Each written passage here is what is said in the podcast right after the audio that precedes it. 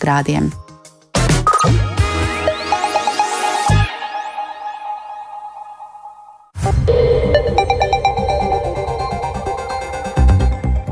Pulkstenis ir 12,5 minūtes. Skanējumu sāk 7. decembra ziņu raidījums pusdiena, kurā kā allaž plašāks skaidrojums par šodien būtisko. Studijā Dāca Pēkšēna. Labdien! Un sākam ar to, ka šodien ir tā diena, kad valsts budžets ir nonācis līdz saimai. Cik garas būs debatas un cik daudz laika deputātiem vajadzēs, lai tiktu līdz balsojumam, šobrīd nav zināms. Skaidrs vien tas, ka opozīcija ir iesniegusi vairākus simtus priekšlikumu un tas nebūs ātri. Tomēr koalīcija arī ir solījusies neatkārtot iepriekš pieredzēto un panākti nestrādāt. Premjera Evika Siliņa iepriekš ir izteikusi cerību, ka budžets varētu tikt izskatīts divu dienu laikā, bet, nu, ja būs tāda vajadzība, protams, tikšot strādāts arī ilgāk. Un viens no jautājumiem, par ko ir gaidāms plašas debatas, ir par PVN lauksaimniecības produktiem, paredzot um, tātad PVN palielināt no tagadējiem 5 līdz 12 procentiem, un plašāk par to gatavs stāstīt kolēģis Viktors Demidovs, kurš pievienojas studijā. Sveiks, Viktor, un tātad, ko deputāti līdz šim ir paspējuši izskatīt, kādus jautājumus? Jā, labdien! Jau sākot saimnes sēdi uzreiz sāka diskutēt par koalīcijas deputātu lūgumu samazināt runātājiem debašu laiku.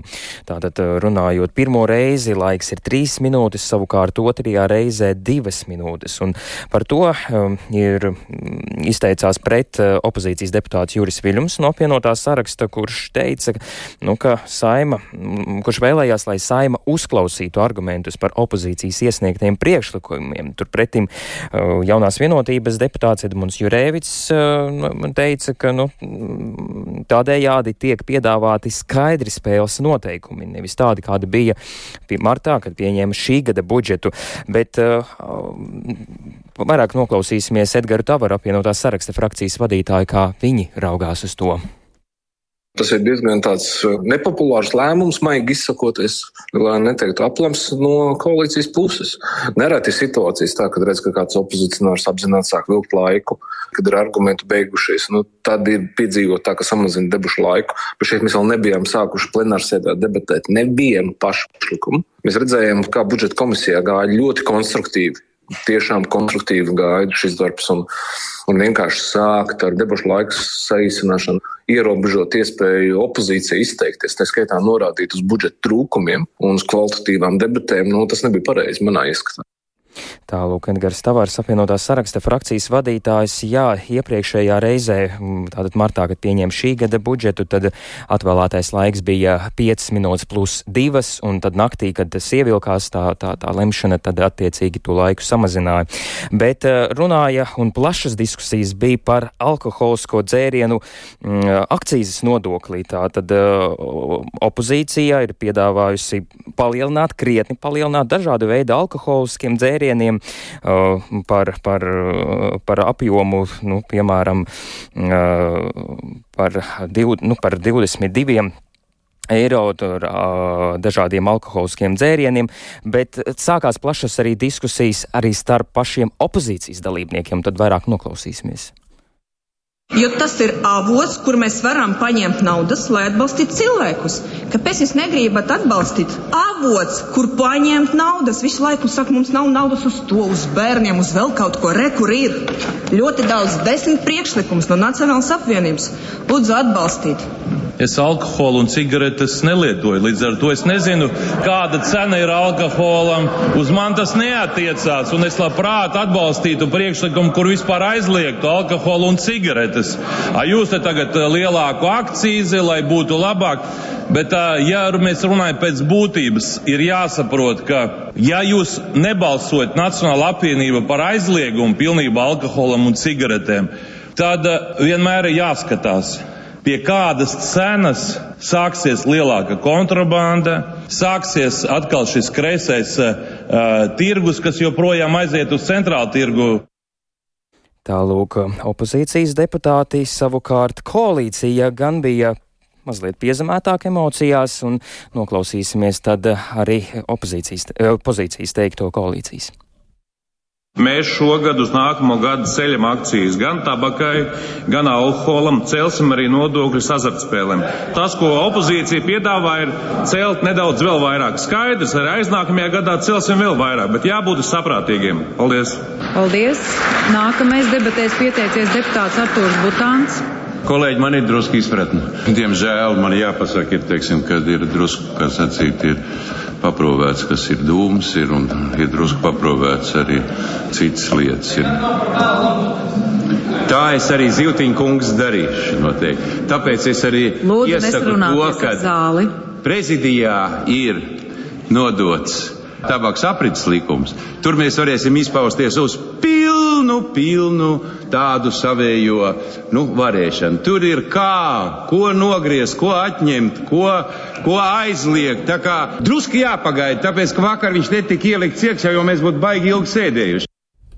Tālūk, koalīcijas partneru teiktais un akcijas nodokļa palielināšana alkoholiskiem dzērieniem uh, nav atbalstījuši. Priekšā ir ļoti daudz jautājumu un uh, naktī budžetu taisās neskatīt, vēlākais līdz deviņiem vakarā, bet tas pats budžets ir pats pēdējais jautājums. Līdz tam ir dažādi virkne citu jautājumu, arī tavs pieminētājs par PVN lauksaimniecības produktiem no tagadējiem 5% līdz 12% procentiem tas, tas palielinātu to taisās, un tad attiecīgi par to ir gaidāmas plašas diskusijas. Tā ka iespējams tas ievilksies krietni vēlu.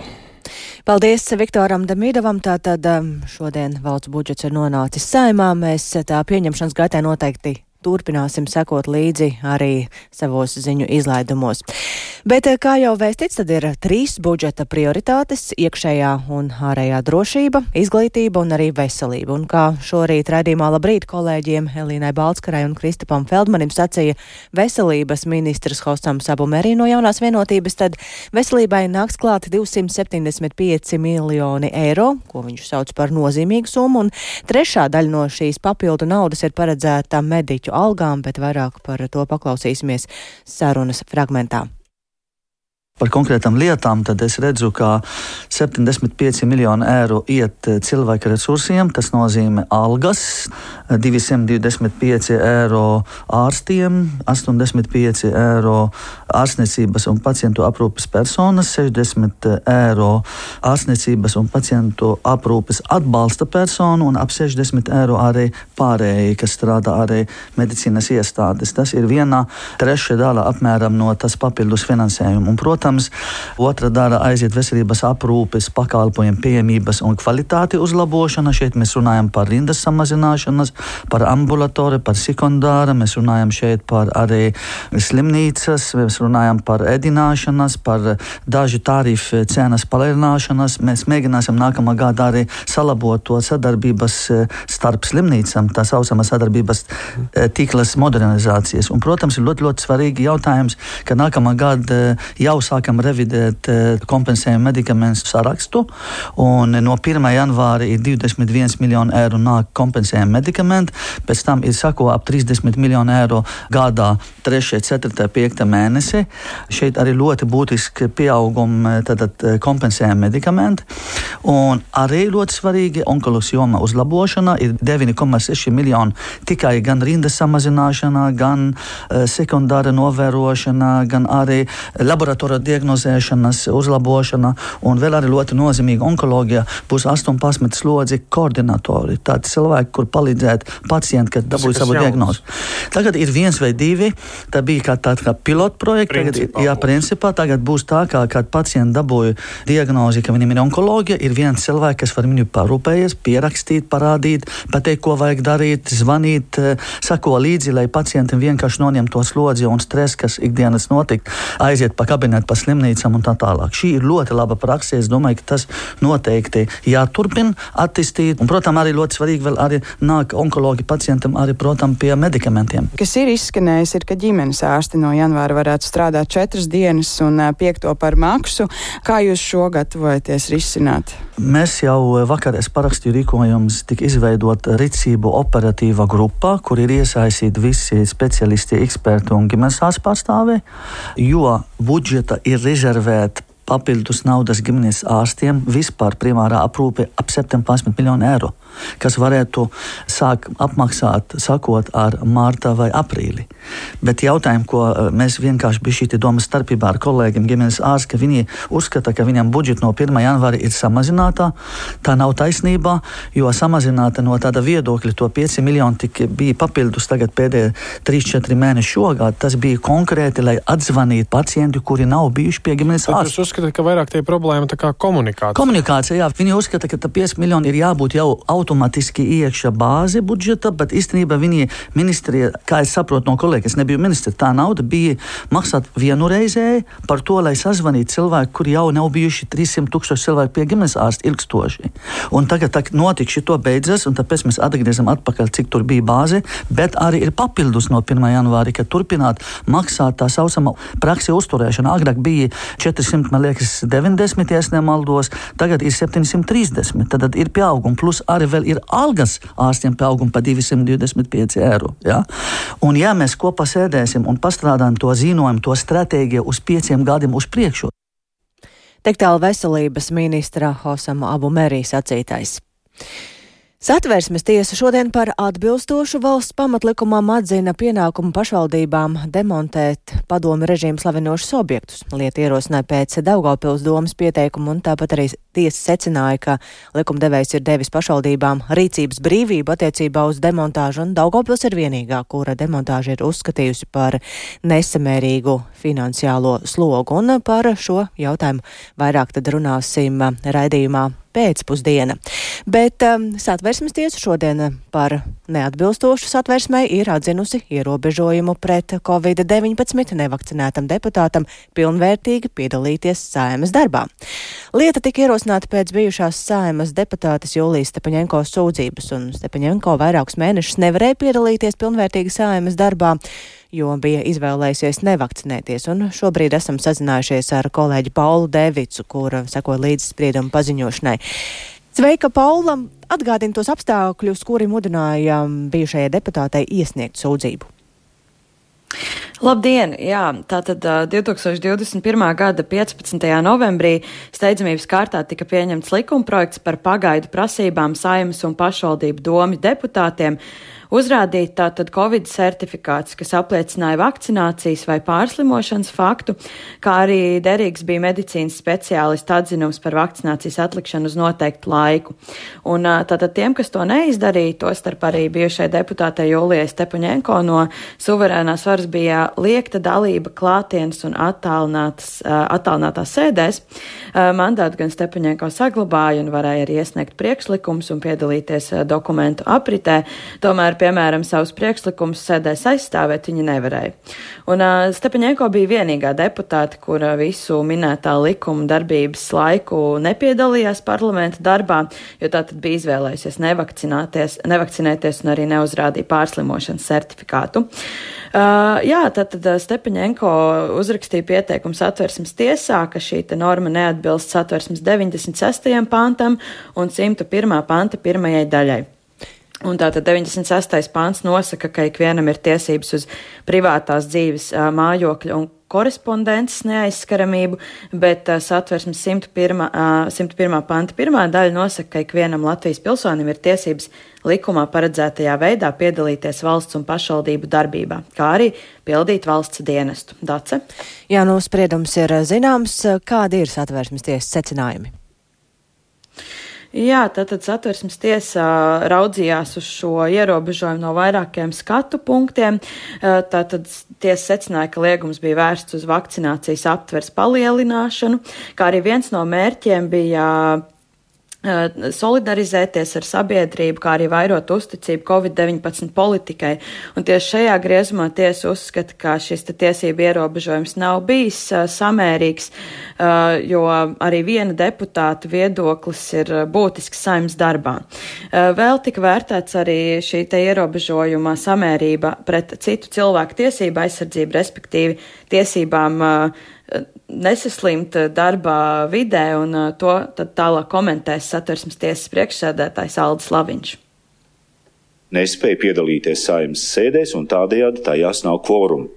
Tā kā saimnes spēja funkcionēt ir tieši atkarīga no deputāta spējas piedalīties saimnes sēdēs, tad, mazinot varbūtību, ka vakcinētie deputāti saimnes telpās nonāk tiešā kontaktā ar deputātu, kuram nav certifikāti, tika nodrošināta saimnes spēja funkcionēt. Līdz ar to likumdevēja izraudzītais līdzeklis, pieteikumu iesniedzējs tiesību piedalīties saimnes klātienes sēdēs ierobežošana bija piemērots leģitīmo mērķu, sabiedrības labklājības un citu cilvēku tiesību sasniegšanai. Jā, tad, tad šādā griezumā šie ierobežojumi bija samērīgi, bet atkal jau raugoties uz to, ka uh, ārkārtējā situācija beidzās uh, 2022. gada februāra beigās, savukārt šis uh, likums zaudēja spēku 31. Uh, 31. martā, līdz ar to mēnesi vēlāk. Un pēc šīs ārkārtējās situācijas beigām, kā zināms, tika atcelti daudz ierobežojumi arī lielai sabiedrības daļai prasība pēc šiem certifikātiem.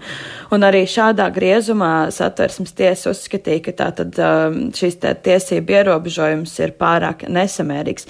Līdz ar to tad kopumā apstrīdētā norma neatbilst satversmes 101. panta pirmajai daļai, kas tad nosaka šīs Latvijas pilsoņu tiesības piedalīties valsts un pašvaldību darbā. Savukārt šī ierobežojumu atbilstība satversmes 96. 6. pantam šis tā izvērtēšana nav nepieciešama, tā uzskata tiesā. Un tad, jā, raudzīsim jau dienas turpinājumā, arī ziņosim par to, ko tad nozīmē šis spriedums, un tālāk stāstīsim par to arī raidījumā pēcpusdienā. Paldies Paulai Devicai. Tas tātad par to, ka neatbilstoši satversmē ir atzīti ierobežojumi pret Covid-19 nevakcinētiem deputātiem pilnvērtīgi piedalīties saimas darbā. Bet ASV ir izziņojusi jaunu militārās palīdzības paketu Ukrainai, taču tā var būt viena no pēdējām, jo kongresā joprojām nav apstiprināts papildu finansējums atbalstam Kīvai. ASV senāts vakar neapstiprināja tālākai izskatīšanai Baltā namā iesniegto likumprojektu, kas cita starpā paredzēja piešķirt Ukrainai palīdzību vairāku desmitu miljārdu dolāru apmērā. Un šobrīd studijā ir kolēģis Uldis Ķēsberis, kurš ir gatavs pastāstīt, kāpēc ASV kongress nespēja vienoties par turpmāko atbalstu Ukrainai. Bet eh, vispirms tad um, jautāšu, cik liela ir ASV piešķirtā papildu palīdzība Ukrainai, nu kas tajā ir iekļauts? Jā, labdien! Ukraina no ASV saņems bruņojumu 175 miljonu dolāru apmērā, un šajā palīdzības paketē būs iekļautas raķetes pretgaisa aizsardzības sistēmām un arī reaktīvās artilērijas sistēmām Haimars, kā arī artilērijas lādiņi, pretānku raķetes un aprīkojums kritiskās infrastruktūras aizsardzībai. Šo bruņojumu ņems no ASV armijas krājumiem un tad arī tuvākajās nedēļās nosūtīs uz fronti Ukrainā. ASV aizsardzības departaments šonadēļ informēja, ka tā rīcībā ir vēl aptuveni 4,8 miljārdus dolāru vērts bruņojums, ko teorētiski varētu novirzīt Ukrainai, taču Pentagonam ir pieejams tikai 1,1 miljardus dolāru, ko izmantot, lai atjaunotu ieročus un arī aprīkojumu krājumus, kas nu, tiktu nosūtīti teorētiski Ukrainai. Un tāpēc ASV valsts sekretārs Antonijs Blinkens brīdināja, ka šī var būt jā, viena no pēdējām ASV palīdzības paketēm Ukrainai, ja kongress tuvākajā laikā nepiešķirs Baltā nama pieprasīto papildu palīdzību. Un viņš arī atgādināja, ka atbalsta sniegšana Ukrainai ir būtiska ASV nacionālajai drošībai un arī stabilitātes nodrošināšanai pasaulē. Cik lielu summu ASV valdība ir pieprasījusi kongresam? ASV prezidents Džo Baidens kongresā iesniedza likumprojektu par vairāk nekā 110 miljārdu dolāru piešķiršanu militārajai palīdzībai Ukrainai, Izrēlai un Taivānai, kā arī ASV Meksikas robežas stiprināšanai. Nu, no šīs summas Ukrainai pienāktos tas lielākais kumos - 61 miljārdus dolāru. Vakar kongresa augšpalāta senāts balsoja par likumprojekta virzīšanu turpmākai izskatīšanai, taču visi 49 republikāņu frakcijas deputāti nobalsoja pret. Bet, lai šo likumprojektu varētu virzīt tālāk, bija nepieciešams vismaz 60 no 100 senāta locekļu atbalsts. Nu, galvenais iemesls republikāņu pretestībai ir prasība būtiski stiprināt ASV dienvidu robežu ar Meksiku, lai samazinātu uh, migrantu plūsmu, kas šogad ir sasniegusi rekordliels apmērus. Nu, reko, republikāņi arī pieprasa radikāli pārskatīt patvērumā piešķiršanas, kā, piešķiršanas kārtību, pret ko savukārt iebilst demokrāti. Nu, pēc šī balsojuma Baidens sociālajā tīklā X paziņoja, ka republikāņi nodarbojas ar politisko šantāžu un apdraud turpmāku palīdzības sniegšanu Ukrainai. Eh, bet eh, pirms balsojuma prezidents uzsvēra, ka nedrīkst kavēties ar finansējumu piešķiršanu palīdzībai Ukrainai, jo pretējā gadījumā Krievijas prezidents Vladimirs Putins saņemtu lielisku dāvanu gaidāmajos Ziemassvētkos un tiktu arī iedragāts ASV kā tādas globālās līderes tēls. Un mm, Baidens arī brīdināja, ka gadījumā, ja Krievijai izdotos uzvarēt karu Ukrainā, tad Putins tur neapstātos.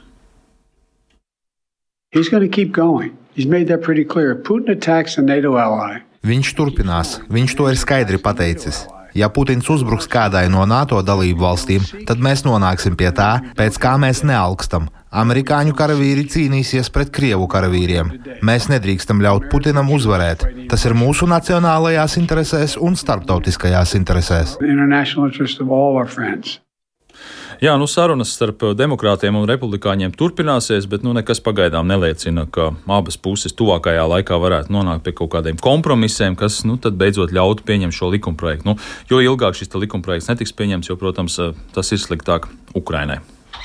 Paldies Uldim Česberim par šo skaidrojumu, un ar atbalstu mēs arī turpinām ties ar cita veida atbalstu no lietas cilvēku puses, bet arī runājot taiskaitā arī par Ukrainu. Proti, virkne cilvēku ir izmantojuši iespēju ziedot arī ar taromātu starpniecību, un gada laikā ir saziedota nepilni 330 tūkstoši eiro, un vairāk par to sarunāsimies ar depozītu iepakojumu operatora valdes priekšsēdētāju Miku Stūrīti. Labdien! Labdien! 300 tūkstoši, 330 tūkstoši eiro gandrīz um, Tas ir daudz vai maz jūsu skatījumā, un cik bieži tā procentuāli, ja mēs skatāmies, cilvēki izvēlas nodot to tāru, paturēt šo naudu nevis sev, bet ziedot? Es domāju, ka gan arī 330 tūkstoši ir vērā ņemama summa, un, un, un, un vienmēr jau, jau viss ir relatīvs, no, kā, no kādām pozīcijām mēs skatāmies. Bet uh, kopumā tas ir apmēram nedaudz mazāk par 1% no, no, no visas depozīta uh, iepakojuma summas, kas ir apretējusi depozītu sistēmā gada laikā. Proti, tie ir 3 miljoni 270 tūkstoši iepakojumu, par kuriem šī depozīta maksa ir, ir, ir ziedota. Ja? Nu, mēs arī redzam, ka, ka Ziemassvētku laikā vismaz pērn, decembris, janvārs bija, bija, bija šis ziedojuma īpatsvars bija lielāks. Nu, kāds arī nereti notiek, ka tieši šajos svētku mm. laikos mēs vairāk atceramies par labdarību, bet, bet nu, šī iespēja ir visu cauru gadu. Jā, jā. To, nu, Un kam tad šis... tiek ziedots? Šobrīd, tad, tad, pagājušā gada, kad mēs ieviesām pēc gada sistēmu, šo ziedošanas iespēju bija trīs virzieni. Ja, tātad gan patvērsmes dzīvniekiem, gan Ukraiņas bēgļu bērniem Latvijā, gan arī trūcīgiem senioriem. Savukārt no šodienas mēs pēc gada jau papildinām ar ceturto virzienu, ja, un tas būs jauns virziens smagi slimiem bērni, bērniem, ja, šos ārstēšanas atbalstam. Savukārt Ukraiņas bēgļu bērnu šis virziens pārtop par tādu vispārēju atbalstu Ukrainai. Par šiem trim mēķiem, kas ir bijuši līdz šim, kam visvairāk cilvēki ir izvēlējušies ziedot? Visvairāk ir, ir novirzīts uh, dzīvnieku patversmu iemītniekiem, ja tie ir gan arī 130 tūkstoši. Tad, tad, un uh, turpat blakus arī ar faktiski tikpat līdzīgi ir arī Ukraiņas bēgļu bērniem. Nu, ir mazāk 64 tūkstoši ir, ir, ir trūcīgo senioru atbalstam. Mhm. Un tad šobrīd eh, visa šī saziedotā nu, summa nonāk eh, nu, tādā praktiskā atbalstā, es saprotu, ja? vai visa gada laikā? Jā, šobrīd? Šo projektu mēs īstenojam sadarbībā ar Latvijā ļoti labi pazīstamo labdarības organizāciju Ziedot LV. Un, attiecīgi, visas šīs summas, eh, ko iedzīvotāji ziedo, tiek novirzītas uh, ziedot LV, kur tālāk jau atbilstoši šiem virzieniem jau arī sadala un pārliecināts par to, ka nonāk konkrētiem uh, šīs palīdzības saņēmējiem. Paldies! Jā, paldies! Šajā brīdī saku par sarunu depozītu iepakojumu operatoru valdes priekšstādātājiem Mikam Stūrītim. Runājām par to, ka daudzi cilvēki nododot taru izvēlas arī ziedot. Un ar to arī izskan raidījums pusdiena. To producēja Lauris Zvejnieks, ierakstus montēja Uldis Grīnbergs, par labskaņu rūpējās Rita Karnača un ar jums sarunājās Dāca Pēkšēna. Vēl tikai atgādinājums par to, ka raidījums pusdiena ir atrodams arī Latvijas radio mobilajā lietotnē. Meklējot dienas ziņas, un tāpat arī Latvijas radio ziņām var sekot līdzi sabiedrisko mediju ziņu portālā LSMLV un arī sociālajos tīklos. yeah.